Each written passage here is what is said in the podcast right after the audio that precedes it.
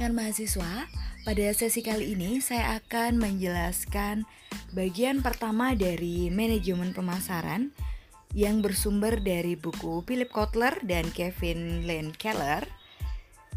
Di bab pertama ini kita akan belajar tentang mendefinisikan pemasaran untuk abad 21.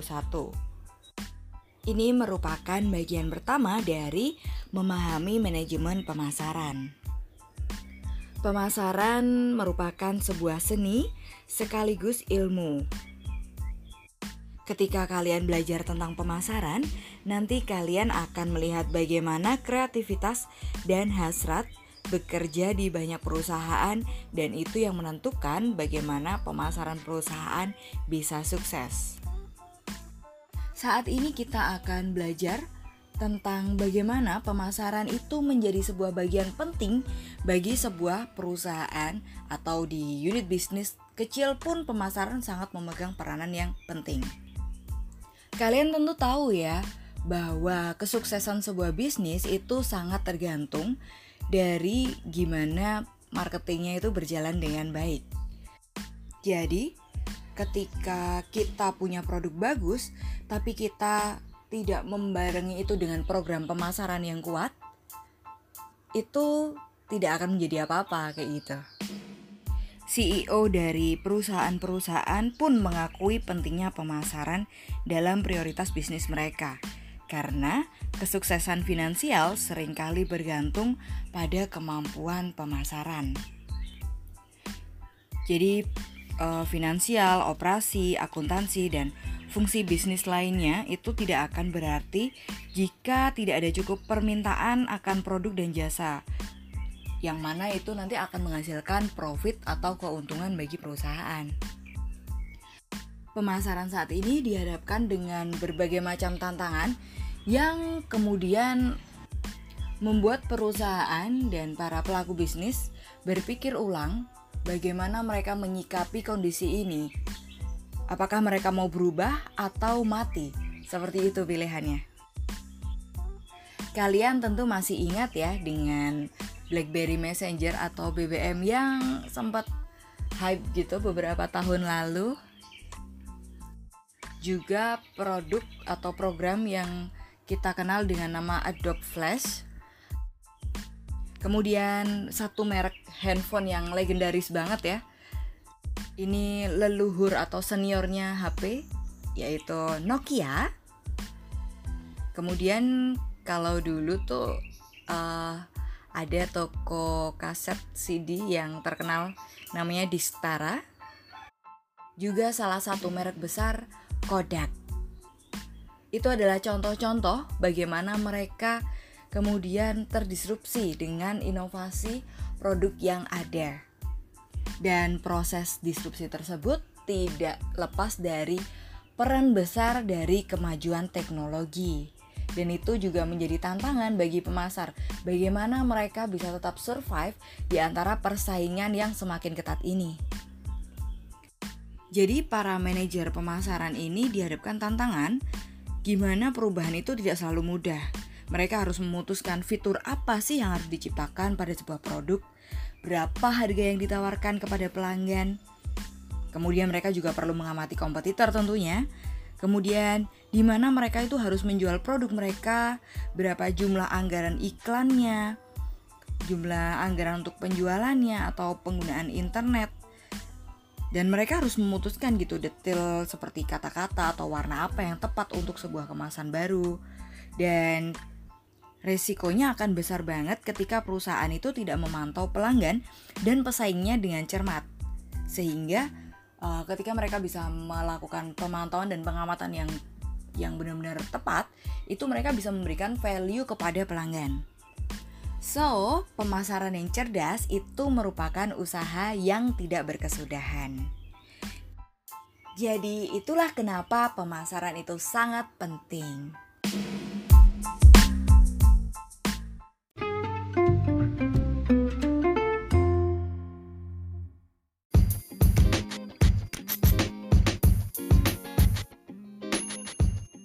Pada bagian ruang lingkup pemasaran, kita akan belajar tentang apa itu pemasaran, Kemudian apa sih yang dipasarkan dan siapa yang melakukan pemasaran? Inti dari pemasaran itu adalah mengidentifikasi dan memenuhi kebutuhan manusia dan sosial. Kita mau sepakati dulu ya tentang definisi dari pemasaran. Menurut American Marketing Association, pengertian dari pemasaran adalah suatu fungsi organisasi dan serangkaian proses untuk menciptakan, mengomunikasikan dan memberikan value atau nilai kepada pelanggan dan bagaimana mengelola hubungan pelanggan dengan cara yang menguntungkan organisasi dan pemangku kepentingan. Di dalam pengertian ini kadang ada salah kaprah ya, bahwa banyak orang yang menganggap pemasaran itu adalah seni jualan barang atau jualan produk. Tapi sebenarnya itu bukan bagian terpenting dari pemasaran. Nah, yo bingung kan? Udah jualan kok bukan bagian dari pemasaran ya? Gini, menjual itu hanyalah ujung dari gunung es pemasaran. Jadi kalau analogi gunung es kalian tahu ya, jualan itu hanya puncaknya. Memang gitu, kalau tujuan pemasaran itu adalah nanti endingnya adalah penjualan yang berlimpah. Tetapi tujuan pemasaran itu adalah untuk mengetahui dan memahami pelanggan dengan baik sehingga produk dan jasa kita itu bisa sesuai dengan kebutuhannya. Jadi nanti otomatis tuh bisa terjual sendiri. Jadi tidak sekedar menitik beratkan pada target atau volume penjualan saja. Pemasaran adalah berfokus di membangun hubungan dengan konsumen, berfokus kepada pelanggan dan menghasilkan uh, keuntungan jangka panjang. Kemudian apa yang dipasarkan? Terdapat beberapa tipe entitas barang. Jadi di sini ada beberapa kategori. Yang pertama adalah barang, itu merupakan produk fisik ya. Yang kedua adalah jasa. Jasa merupakan salah satu bentuk dari produk yang tidak berwujud. Biasanya ada tawaran pasar itu yang memberikan perpaduan atau kombinasi antara jasa dengan produk fisik. Yang ketiga adalah acara. Jadi ini biasanya pemasar itu mempromosikan acara berdasarkan waktunya seperti misalnya pameran dagang, kemudian pertunjukan seni, atau ulang tahun perusahaan. Biasanya uh, kalau mereka nggak bikin acara sendiri diwujudkan dalam program sponsorship ya. Yang keempat adalah pengalaman. Jadi kalau contohnya beberapa perusahaan biasanya membuka untuk company visit sehingga konsumen bisa melihat proses dari pembuatan produknya. Yang kelima adalah orang. Jadi ini bukan berarti jualan manusia gitu bukan.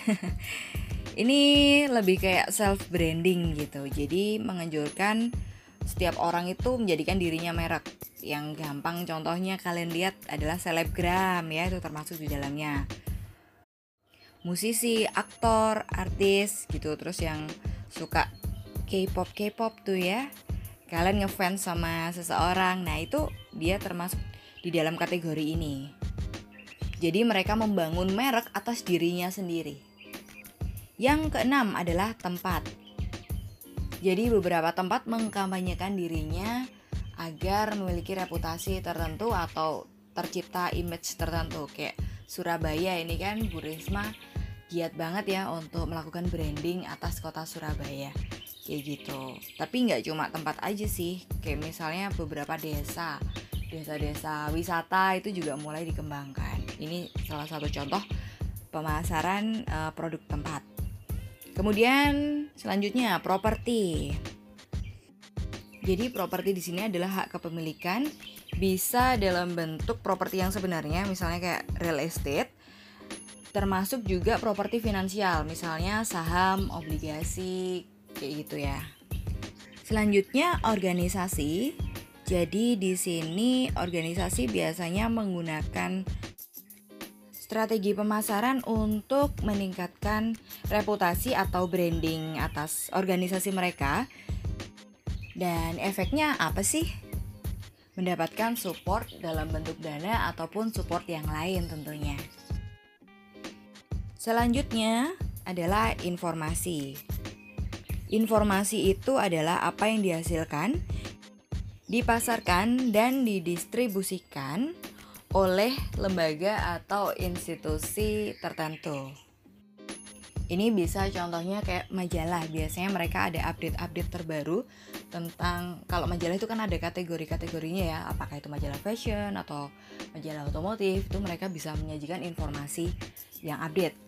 Terus uh, contoh lagi misalnya kayak produk smartwatch ya kan. Kalau kalian pakai smartwatch itu tidak hanya sekedar memberikan informasi seperti jam tangan konvensional, tapi lebih dari itu uh, produk tersebut bisa memberikan informasi misalnya detak jantung kita atau kita sudah berjalan berapa langkah hari ini dan lain sebagainya. Yang terakhir adalah ide, ide atau gagasan. Jadi, siap penawaran pasar itu mengandung sebuah ide atau gagasan dasar. Ide-ide ini biasanya diwujudkan dalam bentuk manfaat produk. Sebagai contoh seperti yang dilakukan oleh beberapa tempat makan tentang penggunaan alat makan plastik atau alat makan sekali pakai. Ide dasarnya adalah mengurangi penggunaan plastik ya.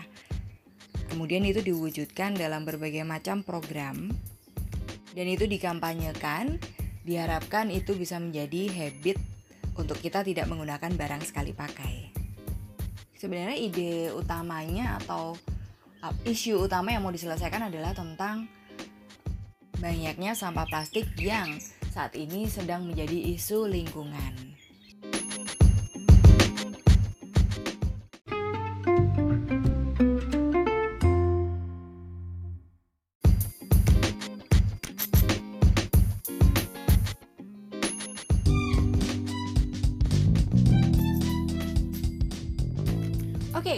Di bagian ruang lingkup pemasaran. Sekarang kita mau bahas tentang siapa yang memasarkan.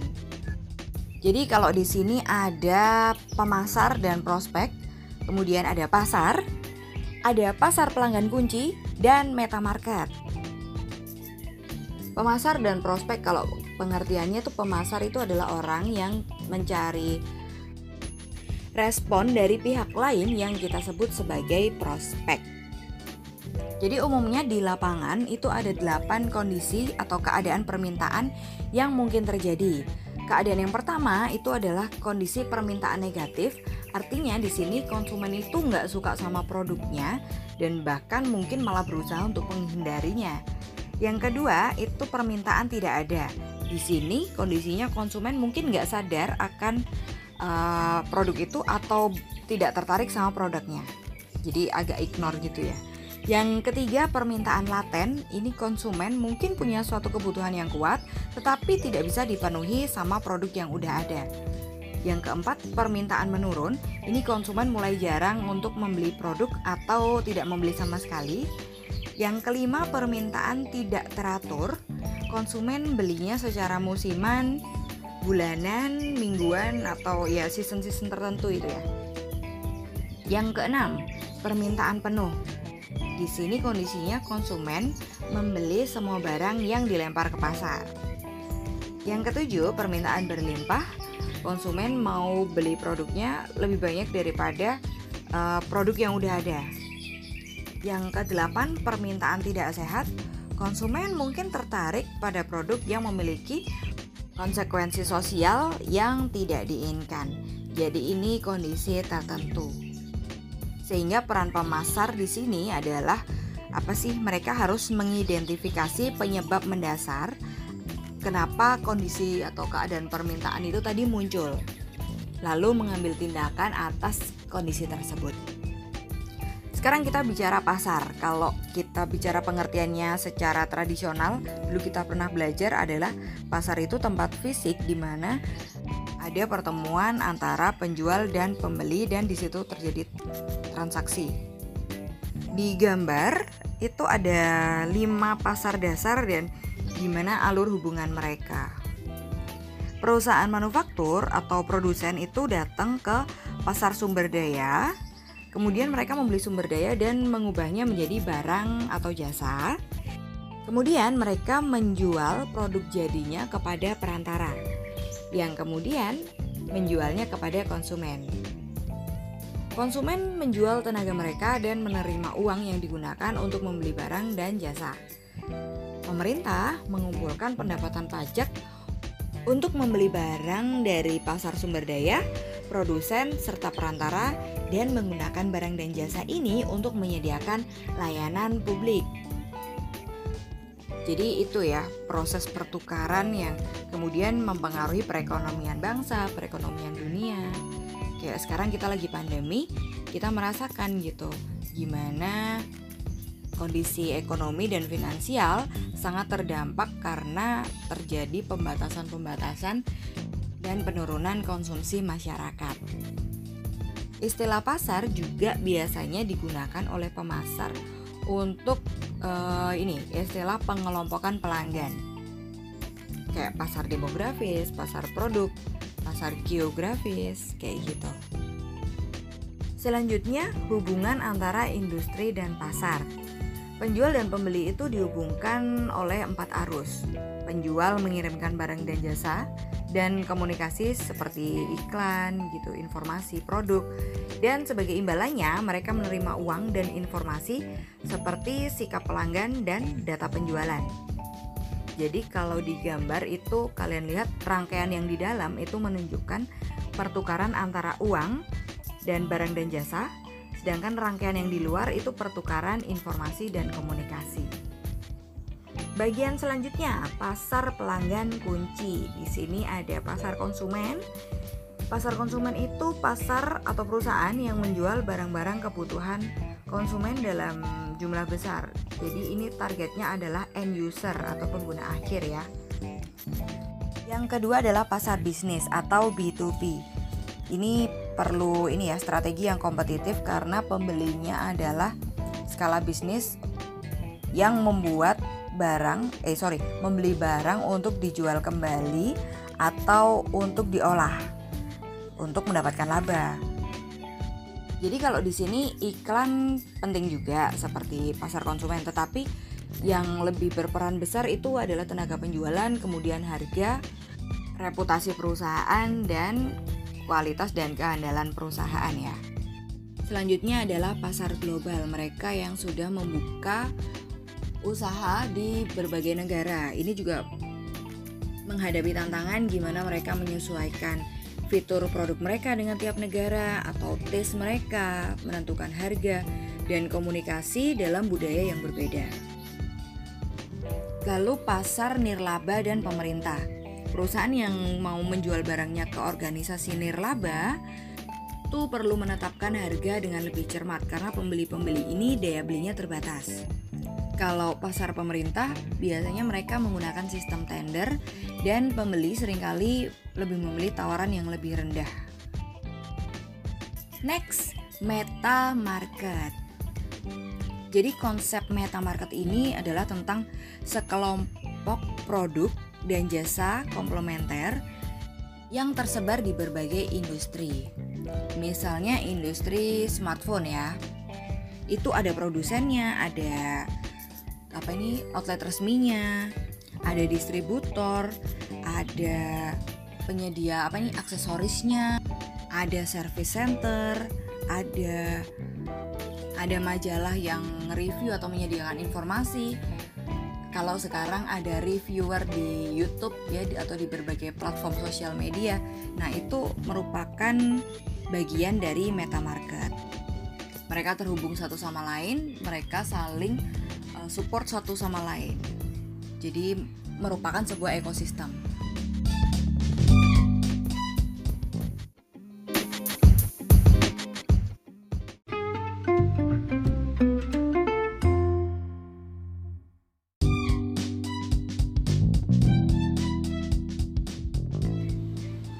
Oke, di segmen ini kalian sudah belajar tentang apa sih pentingnya pemasaran dan ruang lingkup dari pemasaran. Kita akan lanjutkan materi kita tentang konsep inti pemasaran di episode berikutnya. Stay tune.